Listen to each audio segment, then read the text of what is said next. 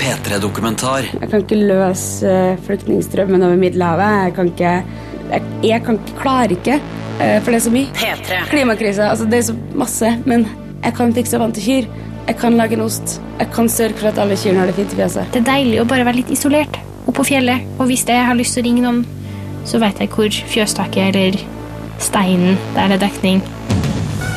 Moderne budeier. En P3-dokumentar om å dra til seters for å komme seg offline.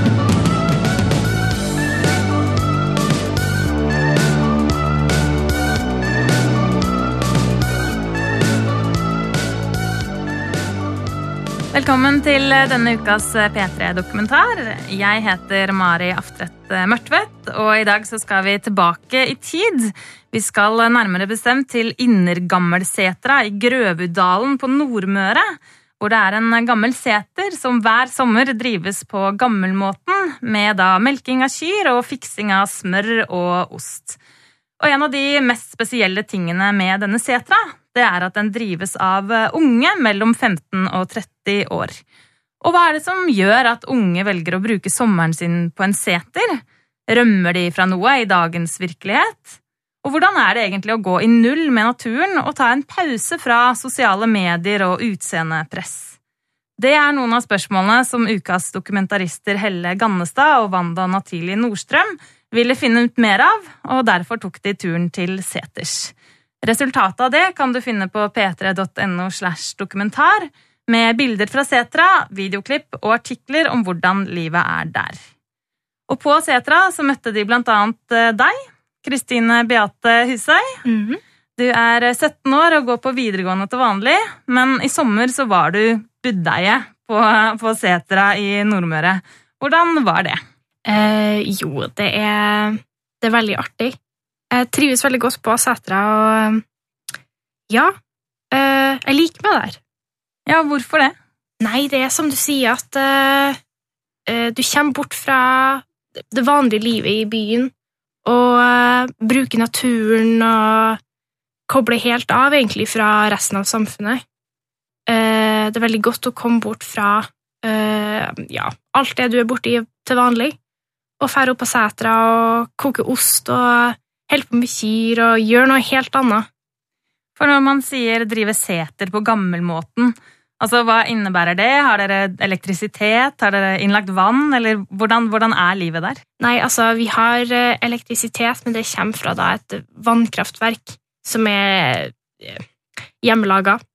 Eh, og vi har lite strøm, og det går mye på vedfyring og ja, koking av ost i gryte og ja, det vi, vi har egentlig ingenting fra Altså, vi har ikke strøm, vi har litt kaldt vann. Det er ikke så veldig mye annet, egentlig. Og det å leve som budeie fra gamle dager, det er jo noe som også Aisha Marie Heim gjorde. Og vi kan jo høre litt om en av opplevelsene hun ikke vil glemme fra setra. Det var da Det skulle vel hete jul, da. Um, og så gikk det skikkelig dårlig. Uh, men da, men da, ok, fordi om høsten så vokser det sopp. Og det syns kyr er dritgodt, så de blir jo, de blir jo liksom. De blir kjempetuppete. Så det, det er altså utgangspunktet du skal prøve å jage dem høye kyr. Det er på en måte litt sånn ja, håpløst i seg sjøl. Og når du da i tillegg ikke har respekten fordi du er en jente og ikke Pål Svisdal, på en måte, så Ja, det er utgangspunktet, da. Så var jeg litt redd kyr. så det hjalp jo heller ikke. Men det var noe greit, da. Og finn dem. De ligger på lur. Det var en annen gang hvor de sendte bjellekua én vei, og resten gjemte en annen vei. Ja, Tuppete kyr. Og jeg driver og gauler, det var da jeg trodde at gauling og lokking fortsatt hjalp. uh, og så står jeg som en kronidiot og liksom hyler etter kyren. Snur jeg meg, liksom vender blikket, så ligger de liksom på lur og er helt knust stille og bare håper at det skal gå forbi. Ja, fy faen, for noen kyr det var det var, altså. Det her eh, høres jo litt eh, vanskelig ut, eh, Kristine. Ja. det kan, de kan være ganske vanskelig å være med til tider. Ja, har du noe erfaring med fjøsstell fra før? Overhodet ikke. Jeg hadde så vidt tatt borti ei ku når jeg kom opp på setra for to år siden. Og i år var vel første gangen jeg fikk det ordentlig å ta et fjøsstell alene. Og det første gangen da var det var jeg og Aisha som var på setra, så jeg måtte egentlig ta det fjøsstellet. Eh, og så har vi et fjøs der det er plass til fire kyr om gangen. Og så kom det inn sju. Og eh, alt gikk Altså, de nekta det Kjempeliten plass, og de nekta å gå ut, og jeg, helt, jeg hadde lyst til å sette meg ned på huk og grine, egentlig. Eh, men Aisha kom inn, og det var liksom noen motivasjon, og det her skal du få til. For at, eh, altså, du måtte jo bare over den lille kneika, og så gikk alt bra. Og det gjorde du jo, da. Jeg fikk dem ut. Riktignok så bæsja de fleste av kyrne på veien ut, da, men det var jo sikkert bare fordi det var så streng. Ja. ja, for alt det her høres jo ganske slitsomt ut. ja, det, det er tungt. Det er lange dager, og det er mye jobb. Det er mye fysisk arbeid som du egentlig ikke er vant med, og da Man blir egentlig veldig fnisete Ja. og sliten, men det er kjempemorsomt, egentlig. Ja, og det er noe som hun Aisha også har snakka om. Den følelsen hun får når hun kommer opp på setra. Den første kvelden du legger deg og sover, hvor du på en måte ikke får sove fordi det kiler i hele kroppen. Det er litt sånn forelska følelse. Jeg er vanvittig glad i den setra her.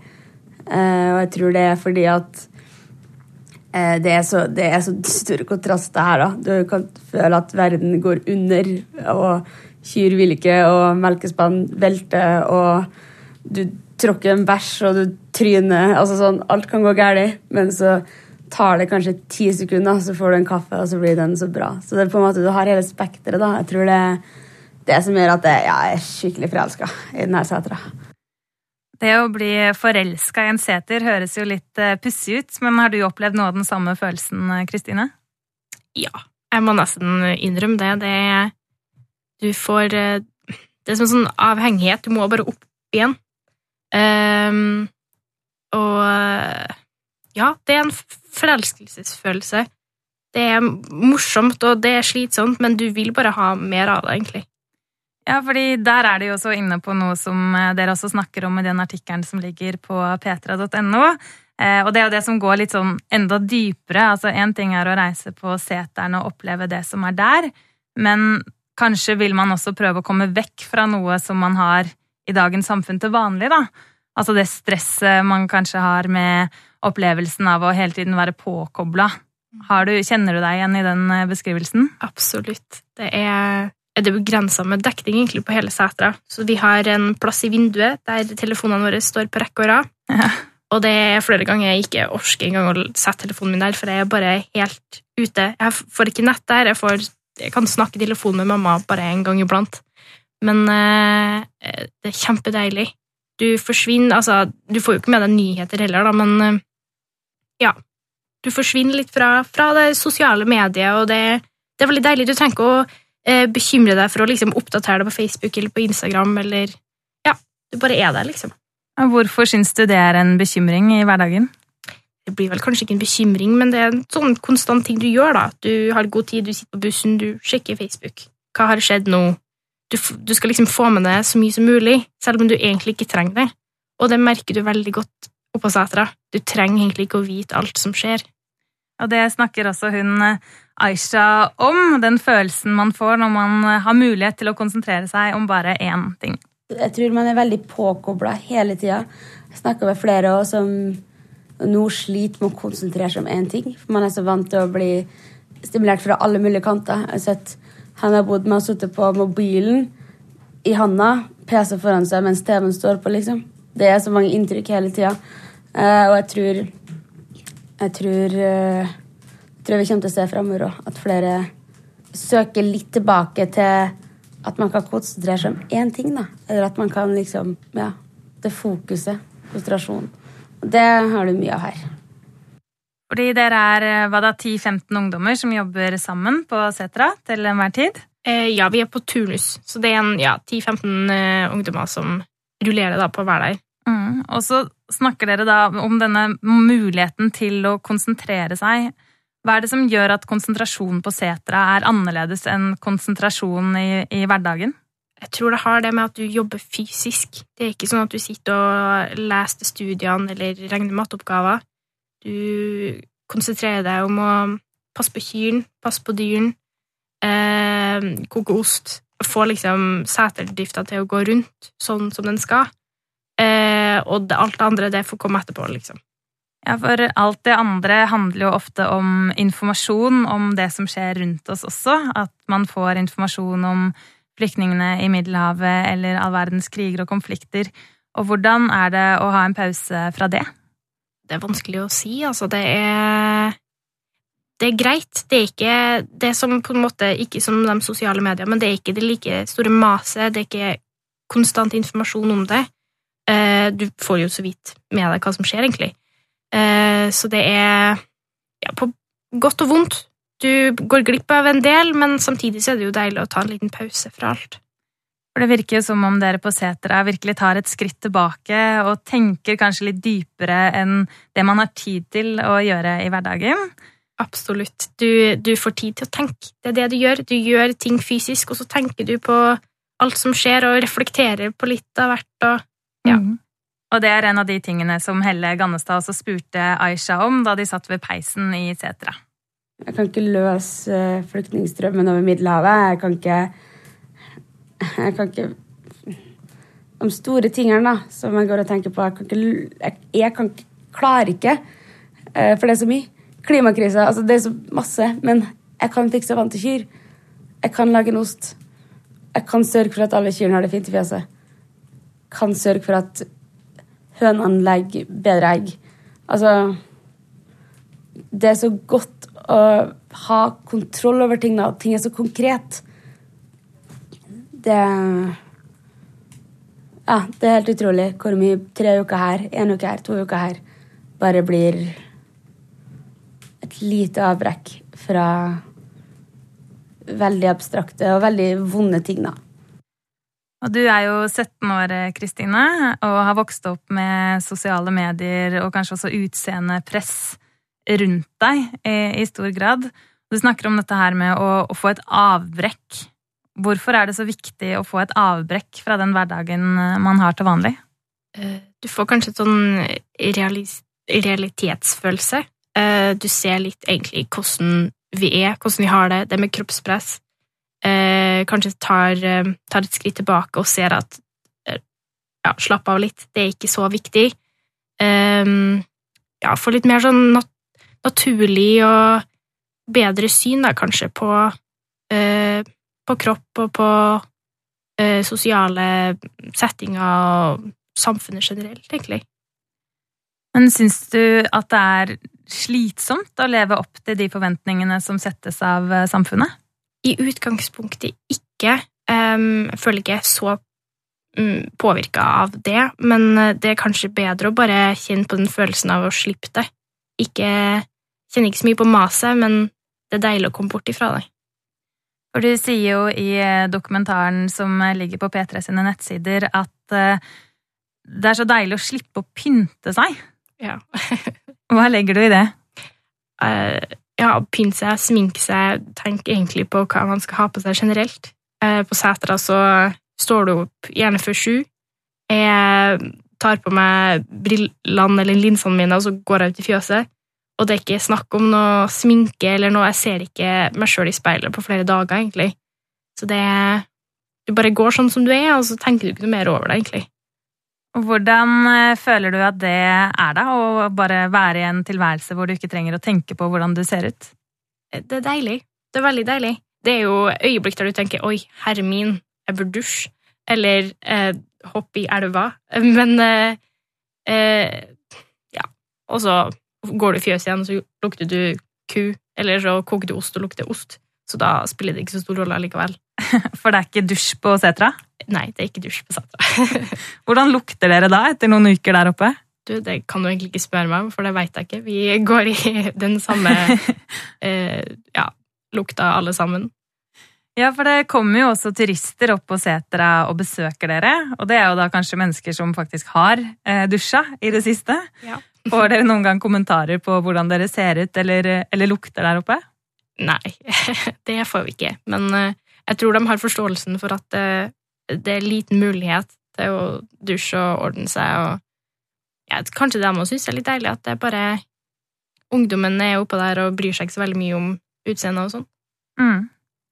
For det å få en pause fra internett og telefondekning betyr jo også en pause fra sosiale medier. Vi var jo så vidt inne på det. Eh, og Aisha hun snakka også om det oppe på setra. Eh, og sa litt om dette her med at hun har hørt om folk som blir sure. Om de har venner som f.eks. ikke liker det de har lagt ut i sosiale medier.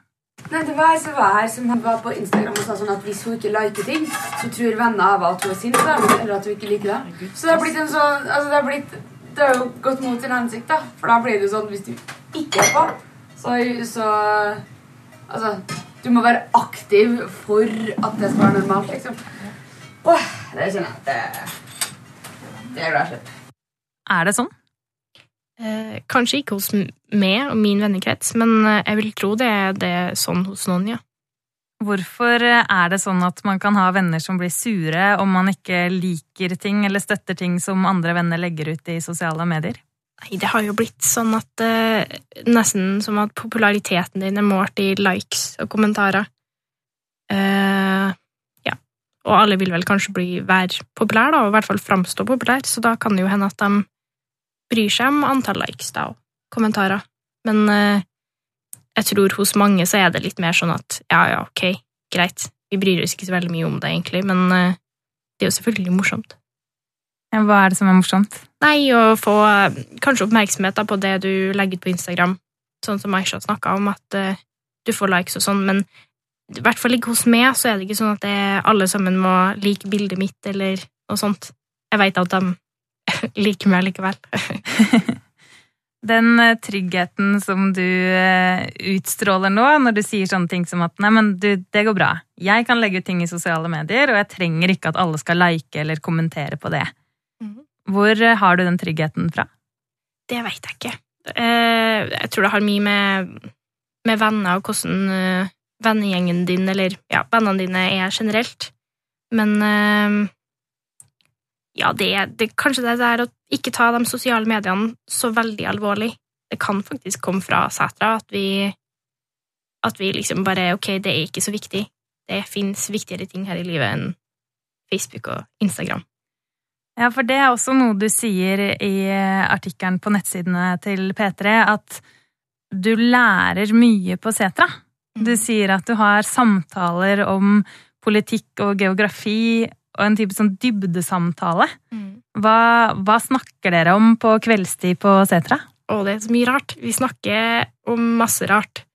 Eh, de fleste, nei, alle faktisk, alle budeiene og budørene er eldre enn meg og har enten en utdanning eller utdanner seg i politikk eller eh, landbruk eller ja, hva som helst, egentlig, og fysikk. Og så da sitter vi jo og snakker om det vi har lært, da, om ting jeg ikke kan om sånn politisk. Aisha kommer jo med masse interessante fakta, og eh, noen kommer med noen sånn jordbrukfakta om Norge, og ja, opplyser meg da, om kanskje mer problemer vi har i samfunnet som jeg aldri har tenkt over, som 17-åring. Føler du at det gir en ekstra verdi til samtalen at ingen sitter på smarttelefonen sin og holder på med andre ting samtidig som dere snakker? Absolutt. Det det er bare når, du, når vi sitter og snakker, så snakker vi bare. Det er det som skjer. Og spiser. Men ja.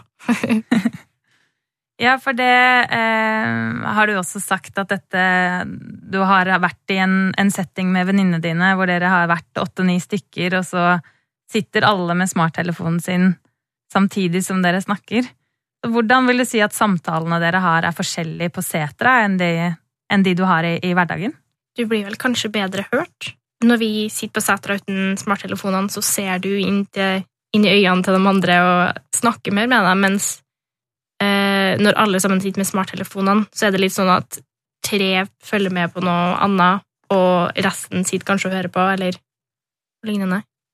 Så det blir jo Du snakker mer sammen, rett og slett. Du har bedre kontakt. Og det er en av de tingene som Aisha også eh, snakker om på setra, at hun ikke savner å være tilgjengelig for, eh, for alle. Men eh, du har ikke akkurat det problemet på setra at du blir for tilgjengelig uansett? Nei, det er kjempegodt. Jeg syns det er så deilig. Jeg tror det var, det var en periode hvor jeg var ble kontakta veldig mye hele tida. Jeg var leder av greier. Etter det så er det bare så deilig å være sånn Sorry. Uh, ja, som jeg sa, hvis det er veldig viktig, så har jeg telefon. Det er bare å ringe. Men jeg orker ikke å liksom være forplikta til å sjekke Facebook eller være forplikta til å sjekke mail på andre tidspunkt enn når jeg uansett sitter foran denne data. Det som er kjedelig, er Snapchat, da, for det virker veldig artig. Men utenom det så klarer jeg meg helt fint. Og på det lydklippet her så hører vi jo kubjellene i bakgrunnen, og, eh, og at hun ikke savner noe annet enn Snapchat. Er det noe du savner eh, når du er på setra? Um, nei, egentlig ikke. Savner ingenting. Jeg har alt jeg trenger. Har det veldig fint oppå der, egentlig. Og så eh, er jo noe av det andre det med å liksom komme tilbake til naturen og, og leve av det man lager sjøl. Eh, hvordan syns du det er å våkne og vite at i dag så skal jeg spise den osten som jeg står og lager hele dagen? Det er, det er veldig artig. Vi har jo ikke I dag så kjøper vi jo ost, vi kjøper smør, vi kjøper egentlig all mat. Eh, og derfor er det morsomt å se hvordan man lager det, og lære eh, prosessen av hvordan man lager smør. Eller ost, som jeg sa. Eh, og da spise det etterpå. Du vet hele eh, Altså start fra A til Å. Hvordan det starta, at du melker kua, eller at kua spiser gress, for den saks skyld. Eh, til det siste punktet der du stapper osten opp i osteformene. Og det, det er veldig morsomt, og du føler du, du lager noe. Mestringsfølelse, rett og slett. Mm. En annen jente som Helle og Wanda snakka med på Setra, hun heter Camilla Vanessa Askeland. Eh, og hun fortalte jo at eh, hun ble rett og slett lei seg når folk ikke resirkulerte eller tenkte på naturen. Og vi kan jo høre litt om hva hun tenkte eh, om det. Etter å lese så mye så ble det at jeg ble, ble veldig deprimert. For jeg følte at det var så mye dritt her på jorda. og så mye kjipt. Jeg begynte å, å tenke at andre òg skulle Eller jeg prøvde hele tida å få andre til å tenke mer sånn som meg. Tenke mer på jorda. Eh, bare som at jeg, når jeg var hjemme på besøk hos familien, og når mor mi ikke resirkulerte, så ble jeg så sint. og jeg var sånn der Du må tenke på andre enn deg sjøl, liksom.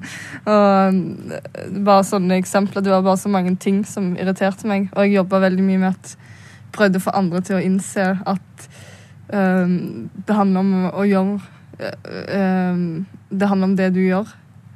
Um, tenk på hva du kjøper, og tenk på hva du gjør.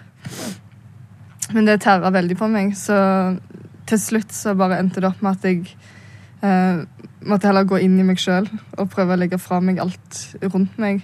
Og bare tenk OK, jeg kan ikke redde verden aleine. Jeg må faktisk starte med meg sjøl. Så bare vær et godt eksempel sjøl. Og istedenfor å prøve å få andre til å gjøre det du ønsker, bare gjør det sjøl. Og drit i hva andre gjør, rett og slett. Um, som Om jeg ønsker å spise mer bærekraftig, så kjøper jeg mer lokal mat og bærekraftig mat. Og så lenge du er et godt eksempel, så smitter det gjerne over til andre etter hvert. Og her eh, forteller jo Camilla om at eh, så lenge man selv er et eh, godt eksempel på å leve bærekraftig, så smitter det over på andre. Mm. Gjør det det? Det gjør det vel kanskje. Jeg tror jo du blir påvirka av dem du er sammen med. Og jeg vil tro at hvis du i hvert fall er sammen med andre folk som bryr seg mye om å ta vare på jorda, spise riktig, resirkulere, så gjør du etter hvert det du òg. Det blir, det blir, noe du gjør. En vane kanskje også, men uh, du, som Camilla sa, du må jo først gjøre det sjøl, og uh, fokusere på at du skal gjøre det, før du får andre til å gjøre det, da. Og etter at eh, du har hatt en sommer oppe på setra og levd og på en måte gått i null med naturen, hvor dere har lagd den maten som dere har spist sjøl, hvordan er det å komme hjem igjen?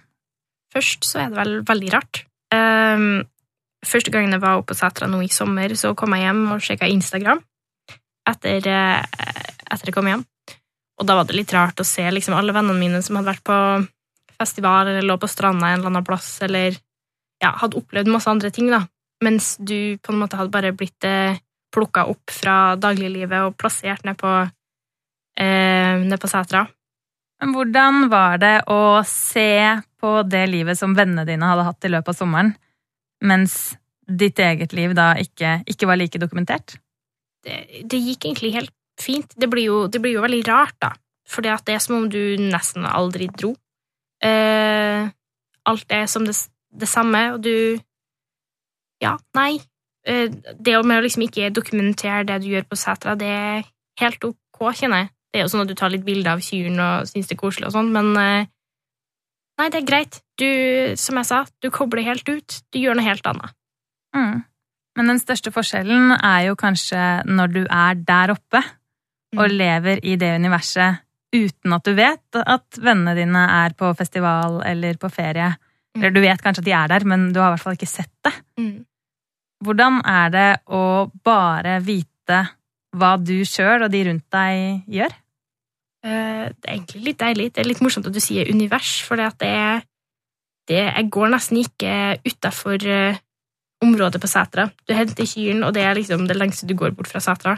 Så det er jo Du skaper et, eh, et eget eh, liv der du kun snakker med de andre budøyene og budørene som er på setra, og eh, det blir nesten sånn at du bare bryr deg om det. Bryr deg om kyrne og om eh, og om eh, hønene. Og det ja, du forsvinner rett og slett litt inn i det der miljøet. Er det å reise på en seter og koble helt av noe du vil anbefale til andre? Absolutt. Det er nesten litt sånn terapeutisk. Du får uh, Skulle til å si rense sjelen. Uh, du går litt tilbake til naturen og uh, får litt mer sånn jordnært perspektiv på livet, og det er litt sånn Det er ikke krise, det som vi sier krise i hverdagen. Det er, det er krise hvis kyrne ikke får vann, eksempel. Um, og da må du gjøre noe med det, men du får en mer sånn en um, virkelighetsoppvekking. Uh, og det, det er veldig deilig. Og eh, hvordan jentene hadde det på setra, det kan du se mer om på p3.no slash dokumentar. Der finner du også bilder og video som er fra setra, og de er laget av Helle Gannestad og Wanda Natalie Nordstrøm. P3 Dokumentar søndag klokka ni på P3 og når du vil på p3.no.